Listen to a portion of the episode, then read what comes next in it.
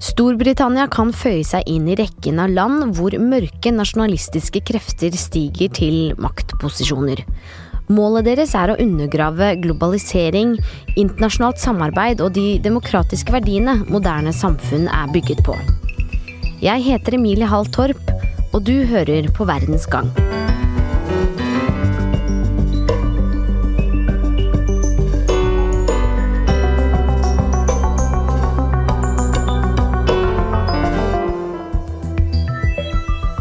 Tre år har gått. Storbritannia er på sin tredje statsminister siden det britiske folket stemte ja til brexit. Årene har vært preget av forvirrende debatt og politisk maktkamp. Nå nærmer det seg deadline for Storbritannia. Landet som var med på å samle Europa etter andre verdenskrig, skal ut av EU. Good afternoon. I have just been to see Her Majesty the Queen, who has invited me to form a government, and I have accepted. Boris Johnson, mannen med det uregjerlige håret som er noe helt for seg selv, har tatt over Downing Street. En uforutsigbar statsmann som er glad i makt og posisjon. Bak enhver leder står rådgiverne. De har alltid hatt mye makt og innflytelse. De er ikke folkevalgte og jobber gjerne i kulissene. Men mannen bak Boris Johnson blir mer og mer synlig. Dominic Cummings. Han har rollen som sjefstrateg og rådgiver, og i hans regi har det politiske Storbritannia opplevd kaos og mistillit. Yngve Kvistad, kommentator i VG, hva skjer i Storbritannia nå? Nei, det er som du sier at uh, Bak Boris Johnson, statsministeren, så står det en uh, spesiell strateg, Dominic Cummings. Uh, britisk politisk strateg. Han har vært kontroversiell hele tida, i all sin dag. Han har vært rådgiver for flere fremtredende konservative politikere. Og det interessante med Cummings er jo at han har uh, bana seg vei på en måte fra liksom det, det, det, mørke. Uh, han har blitt uh, som nevnt mer og mer uh, synlig fordi man har blitt oppmerksom på han. Men det er et eller annet man skal ikke la seg lure av det falske lyset som nå kastes fram her. for at han, altså han er en form for mørkemann. Han er altså Mange opp opplever han jo som mørkets fyrste. ikke sant? Han er en slags politikkens uh, hvis, Han hvis navn der ikke må nevnes, altså en slags sånn Voldemort. Uh, John Major har kalt den en politisk anarkist som forgifter det, forgifter det politiske landskapet. Og David Cameron har jo rett og slett kalt den en karrierepsykopat. Men Cummings han er jo Johnsons rådgiver. Så hvordan fikk han denne makten i Downing Street? Ja, Det er jo et interessant kapittel i seg sjøl, da da må, vi, nesten helt tilbake til begynnelsen. Eller eh, den ulykksalige folkeavstemninga som eh, David Cameron i eh, sin tid utlyste, om britene skulle fortsatt være med i EU, var jo et resultat av en langvarig pågående krig med en militant euroskeptisk høyreside i det britiske Torjepartiet, altså det konservative partiet. Men de har forstått verdien av å være med i et europeisk eh, samarbeid. Det har jo også David Cameron, eh, og han tenkte jo da at ok, jeg får bare utlyse da en slags eh, folkeavstemning da, for å roe gemyttene i partiet. Jeg tenker at nå kommer de til å, å, å dempe seg, og denne folkeavstemninga er easy-peasy match. Den kommer vi til å vinne. fordi at briter flest, det er fornuftige folk, de forstår det at ok, vi er litt skeptiske til disse europeerne på andre sida av kanalen, men vi skjønner verdien av å være med i europeiske samarbeidet. Dessuten så vet jo de fleste briter, tenkte Cameron, at vi har en god del unntak og egne forordninger som gjør at vi styrer oss sjøl her på øya. Vi får kjøre på feil side av veien, og vi får ha et annet metrisk system inn på, eh, inn på kontinentet, og vi får ha vårt eget pund og driter i euroen og alt sånt. ikke sant? Eh, så, så blir det da folkeavstemning 23.6.2016. Og det som da ikke skulle skje, det skjer fordi at det britiske folk med 52% sier ja til å gå ut av EU. I was absolutely clear about my belief that Britain is stronger, safer and better off inside the European Union. And I made clear the referendum was about this and this alone, not the future of any single politician including myself. But the British people have made a very clear decision to take a different path. And as such, I think the country requires fresh leadership to take it in this direction. Han sier jo her at uh, det britiske folk har bestemt at de skal ta en uh, different path, altså en, en, annen sti, en annen vei. Og det sier han jo fordi han har jo fullstendig mistolka situasjonen i det landet han styrer. Han har jo ikke lest sitt eget folk, for det var i England at uh, storparten av EU-motstanden uh, vokste frem. Uh, Skottland, der var det, var det, flertall for å bli i EU, samme i Nord-Irland. I, i um, de gamle walisiske områdene, uh, si, de originale walisiske områdene, var det også flertall for å bli i EU, mens da der det var stor innflytning fra England, så stemte man imot. Altså stemte for, rett og slett, stemte for utgang av, av EU. Ja, så flertallet av stemmene viser altså at folk stemte for brexit. Hvem er disse velgerne? Hva kan vi si om dem? Etter valget så har man jo gått inn og sett nøye på hvem det var som stemte hva. Og de demografiske tabellene er jo ganske interessante så måte, for det viser seg at de som stemte for å forlate EU, eh, var jo stort sett grumpy old white menn. Altså det var folk på min alder og over, altså 55 pluss 60. Uh, de uh, Ja, mange var enten eh, selvstendig næringsdrivende eller eh, arbeidsledige eller ansatte. Uh, uh, unge folk var i stor grad for å bli, å bli i EU. Problemet med der var jo at de gikk jo ikke stemte. Det var veldig lav deltakelse fra, fra de unge. Det paradoksale i hele denne ulykksalige suppa, da, det er jo at uh, veldig mange briter som stemte for utmeldelse av EU, stemte jo egentlig ikke mot EU, men de stemte mot David Cameron. De stemte mot uh, elitene, de stemte mot uh, de som satt med makta, og som hadde sittet med makta uh, ganske lenge. Tidlig om morgenen, den, det døgnet det var valg da i, i Storbritannia, så skulle jeg ta en drosje fra hotellet der jeg bodde nede i Westminster, og, og så kommenterte jeg jo selvfølgelig det til drosjesjåføren, altså at ja, ja, det, det var litt overraskende dette her. Og så sier han Oh yeah, I'm surprised. Og så sier jeg hvorfor det, da? Så, nei, han hadde jo stemt, uh, stemt for brexit. But I didn't mean it. And um, I do wonder where Britain is, is, is, is going to. Um, I think there are a lot of people angry about many things that didn't necessarily have to do with the EU, but got compounded with this seemed to be a convenient uh, um, area to air their grievances. Ja, og den briten du hører her da, fra 2016 sier jo nøyaktig det samme som denne drosjesjåføren. Altså, vi, vi, vi, stemte jo ikke mot EU, eh, vi stemte jo mot uh, regjeringa, vi stemte jo mot etablissementet, vi stemte mot uh, elitene. Samme dag som resultatet av folkeavstemningen er kjent, går Cameron av som statsminister. Theresa May, tidligere innenriksminister, tar over. Hun var egentlig for EU, men tar nå på seg ansvaret med å fremforhandle en avtale for brexit. Og hva vil britene ha med seg i denne avtalen? Altså, De vil ha alt. Altså, Britene vil ha alt som har vært positivt med EU.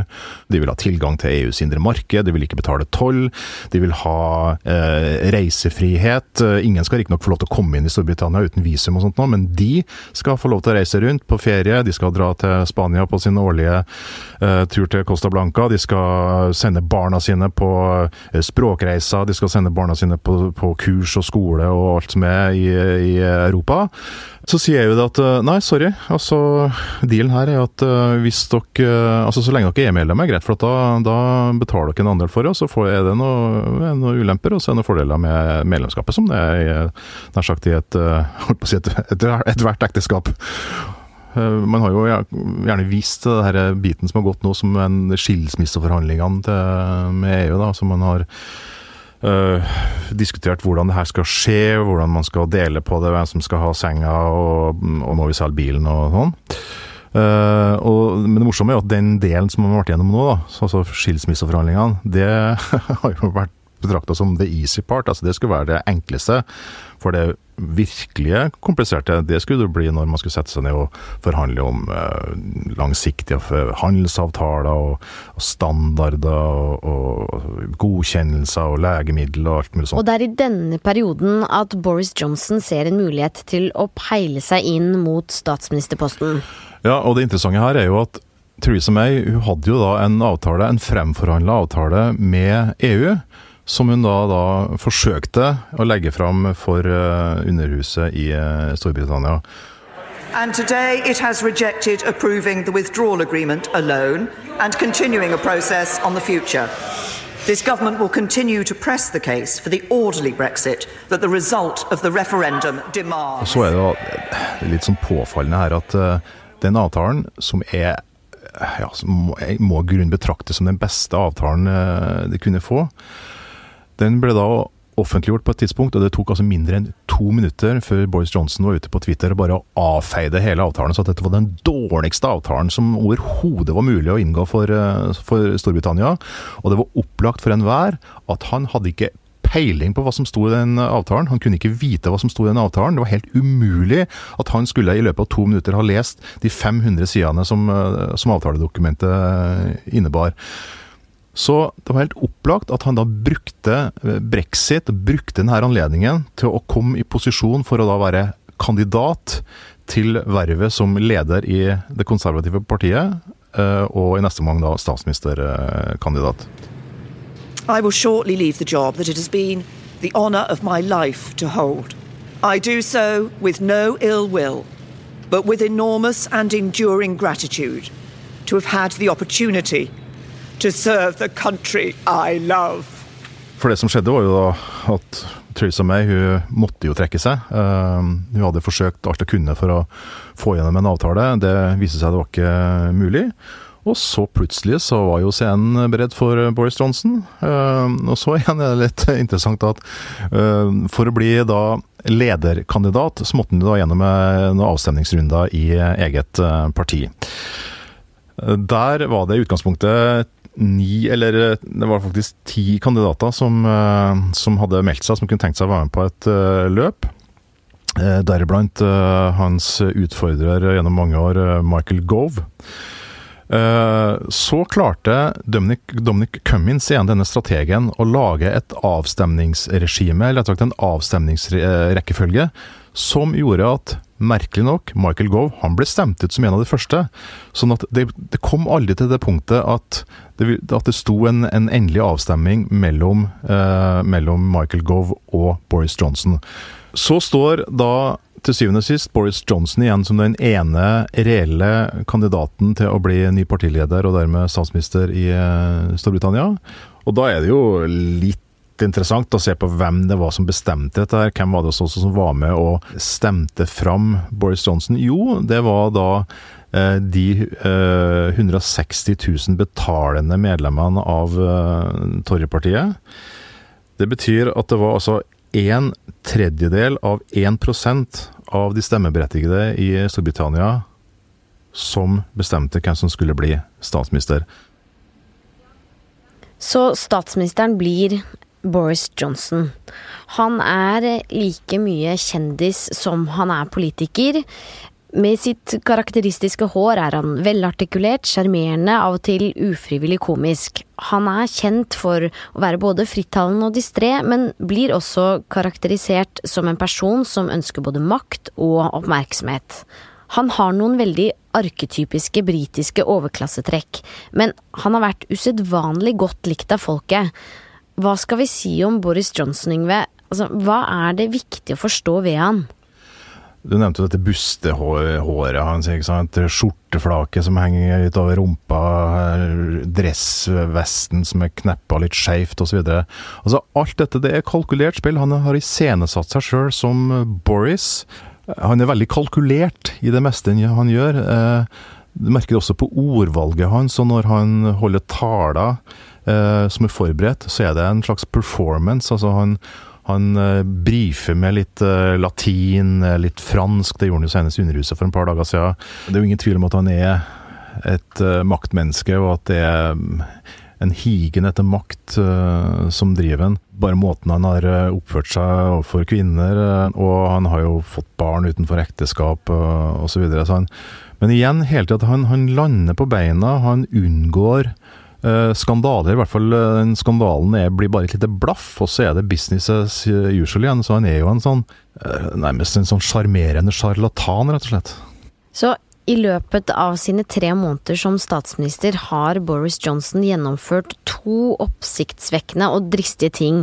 Altså, han forsøkte å suspendere parlamentet i urovekkende lang tid, og han har ekskludert 21 medlemmer i Underhuset fra sitt eget parti. Disse handlingene er omstridte og overraskende. Mannen bak disse strategiske grepene, hvis man kan kalle dem det, er altså rådgiveren hans, Dominic Cummings. Hvordan ble Johnson og Cummings et team? Ja, det var jo i utgangspunktet ikke veldig opplagt. Dominic Cummings han var strategisk leder for den der Vote Leave-kampanjen, altså den kampanjen som skulle da ta Storbritannia ut av, eh, av EU. Og mannen som egentlig satt i førersetet der, det var Michael Gove. Så de starta den Revolt Leave-kampanjen eh, sammen. Og så meldte Boris Johnson seg på. Hele Leave-kampanjen ble jo hans springbrett for å, for å ta scenen, for å komme i søkelyset, for å få fokus, for å selge inn merkevaren Boris Johnson. Og denne Dominic Cummings, da, som har jo vært den derre eh, lyssky strategen som har trukket eh, i tråder og Eh, i hele Liv-kampanjen. Vi ser jo også hvordan han har vært villig til å gå på kompromiss med demokratiske spilleregler. Og, og det gikk jo såpass langt at han ble jo rett og slett eh, innkalt til Underhuset og forelagt en, en skriftlig reprimande. Heller han dømmes for forakt for uh, Underhuset. Det er nesten utenkelig at man, kunne, at man kunne overleve i systemet etter å få en så klar tirade fra, fra nasjonalforsamlingen. Men hvorfor Men, får han denne tiraden? Nei, altså Han har jo, han har jo juksa underveis da med opplysninger. Han har servert uh, falske historier. Uh, alt for i hans øye, for hans øyne, altså den gode sak da, for å få gjennom uh, et, et brexit-vedtak. Han, han beskyldes i hvert fall da, for også å ha produsert en god del materiale som ikke har vist seg å, å holde, holde vann. Men, men grunnen til at tror jeg, da, at han kan holde på sånn, og grunnen til at det ikke får noen konsekvenser, uh, er at det, det, det, altså hele brexit er et, eh, det er et nytt og upløyd stykke mark. Altså alt som gjøres er for første gang. Og et hovedproblem er jo selvfølgelig at Storbritannia har ikke noen skriftlig grunnlov. Sånn at uh, De har en konstitusjon i form av, av tradisjon og sedvane. og men man har ikke det skriftlige referansebiblioteket å gå tilbake til, som en grunnlov jo gjør, når man står oppe i sånne situasjoner som nå. Det går på alt ifra hva skjer med disse lovene som vi skal implementere i forbindelse med innføringa av brexit osv. Så, videre. så i en, eh, holdt på å si, en, en, normalt land så ville man sagt ok, hva sier grunnloven om dette her? Har, har domstolene sagt noen ting? Finnes det presedens nei, det finnes ingenting, for dette, vi, vi aner ikke. Så derfor så er det veldig mye rom for tolkning av de lovene, og særlig de nye lovene som ble vedtatt. altså Hvordan skal de tolkes eh, inn i den situasjonen som de, eh, som de er nå, da. Så hvis Cummings er så skummel og mørk som vi nå får inntrykk av, er det jo lett å stille spørsmålet hvis Cummings hjelper Johnson med å få gjennom brexit, hva får Cummings igjen for det? Det er jo veldig mange som lurer på det. Altså, Hva er Dominic Cummings egentlige motiv? Jeg tror ikke at hans inderlige EU-hat, det tror jeg er oppriktig. Men han han sitter jo åpenbart, åpenbart nå da i en maktposisjon. Han sitter altså i hjertet av Storbritannias uh, makt. Han sitter i Downing Street, selveste Downing Street. Han sitter på nabokontoret til Winston Churchill og bestemmer hva Boris Johnson til enhver tid skal gjøre. Det er jo flere i det konservative partiet som anser han som en antidemokrat. Han er villig til å gjøre det nesten ingen andre politikere er villige til, og kanskje også derfor at han ikke er medlem av partiet. Altså han, han, kan ikke kastes ut av det partiet han ikke er medlem i, han kan ikke straffes eh, med partireglement. ikke sant? Han er en, en frilans-Voldemort som går løs i det britiske demokratiet her og nå, og det er veldig mange som opplever det som fryktelig skummelt. Hvis vi trekker pusten litt her nå, da, og tar tre skritt tilbake og ser på, på verden, så ja, hva ser vi jo? Vi ser USA, vi ser Brasilen. Polen, Tyrkia, Ungarn. Altså det er jo flere land her hvor illiberale og til dels antidemokratiske bevegelser har vært på sterk eh, frammarsj. Noen knytter dem eh, konkret til en ytterliggående høyreside, men det er litt for enkelt. For eh, det er mye større grad av en form for ekstrem populisme dette er enn akkurat et sånn høyrepolitisk eh, prosjekt. Det er altfor enkel forklaringsmodell. Takk, Ingve. Og det eneste vi kan si med sikkerhet, er at brexit-sirkuset, det ruller videre. Verdens Gang er laget av Kristine Hellesland, Tor Erling Tømt Ruud og meg, Emilie Halltorp. Teknisk produsent er Magne Antonsen.